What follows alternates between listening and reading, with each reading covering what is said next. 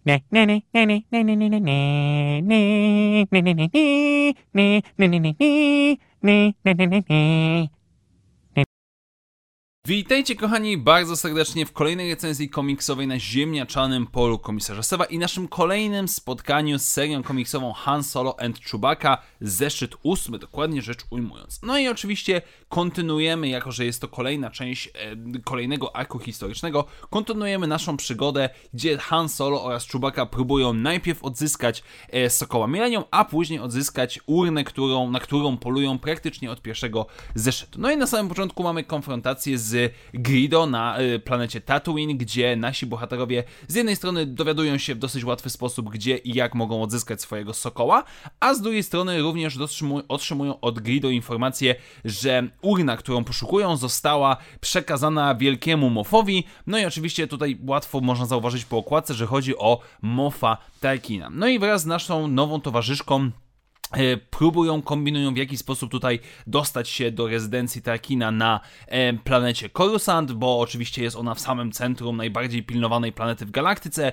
no i tam jest mnóstwo generalnie Death Trooperów i jak my to wszystko zrobimy. No i mamy taki powiedzmy typowy heist, który rozwiązany zostaje przez właśnie naszą towarzyszkę, e, która mówi, że najpierw będziemy udawać pracowników sanitarnych, wy przemkniecie się powiedzmy kanałami, żeby przedostać się do dosłownie toalety Tarkina, ja przebiorę się za droida i powiem, że Imperator cię wzywa do swojego pałacu, przez co Tarkin sobie pójdzie, wy wyskoczycie z kibla i zastrzelicie Death Trooperów, no i znajdziemy wszystko. No i cały ten plan, powiedzmy, się udaje. Oczywiście imperialni w pewnym momencie się orientują i zaczynają strzelać do naszej ekipy.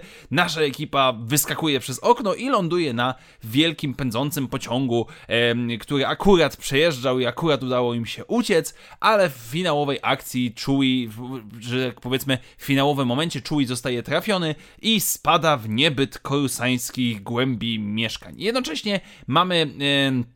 Powiedzmy naszego, wątek naszego marszala i niedoszłego ojca Hanna Solo, który zostaje przechwycony przez marszala e, i który sprzedaje mu informację, że wie, gdzie znajduje się Han Solo, ponieważ nasz szeryf cały czas chce, powiedzmy, zdobyć przede wszystkim Hanna Solo. Generalnie rzecz ujmując, moim zdaniem nie jest dobrze.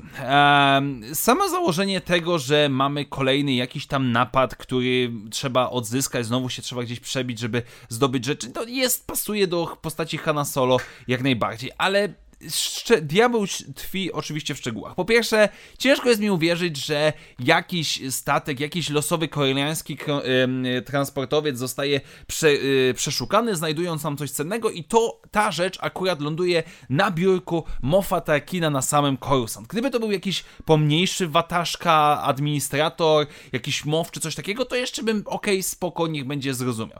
Później całe mówienie nam, jak to ciężko jest się dostać do pałacu czy tam powiedzmy do mieszkania Tarkina, e, jak tam są Death a potem wystarczy po prostu przeczołgać się przez kibelek, e, wystarczy postrzelać trochę do Death którzy nie stawiają żadnego, nie sprawiają żadnego praktycznie zagrożenia, no a potem skaczemy na pędzący pociąg, bo akurat przejeżdżał i nikomu nic się nie dzieje.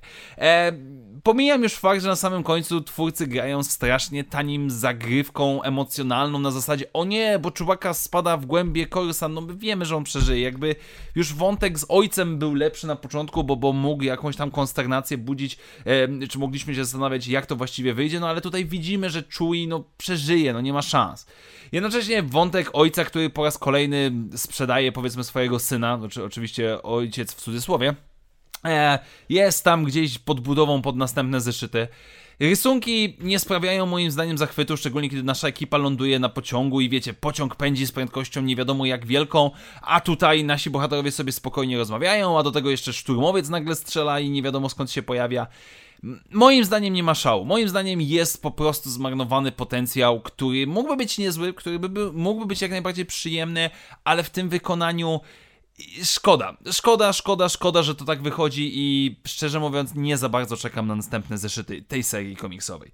Tak więc dziękuję wam bardzo serdecznie za dzisiejsze spotkanie. Standardowo przypominam, że jeżeli podoba mi się to, co robię na kanale, możecie wesprzeć moją działalność, stawiając mi wirtualną kawę, do której link znajdziecie w opisie tego materiału. Jeszcze raz wielkie dzięki, do zobaczenia w następnych materiałach i jak zawsze niech moc będzie z wami. Na razie, cześć!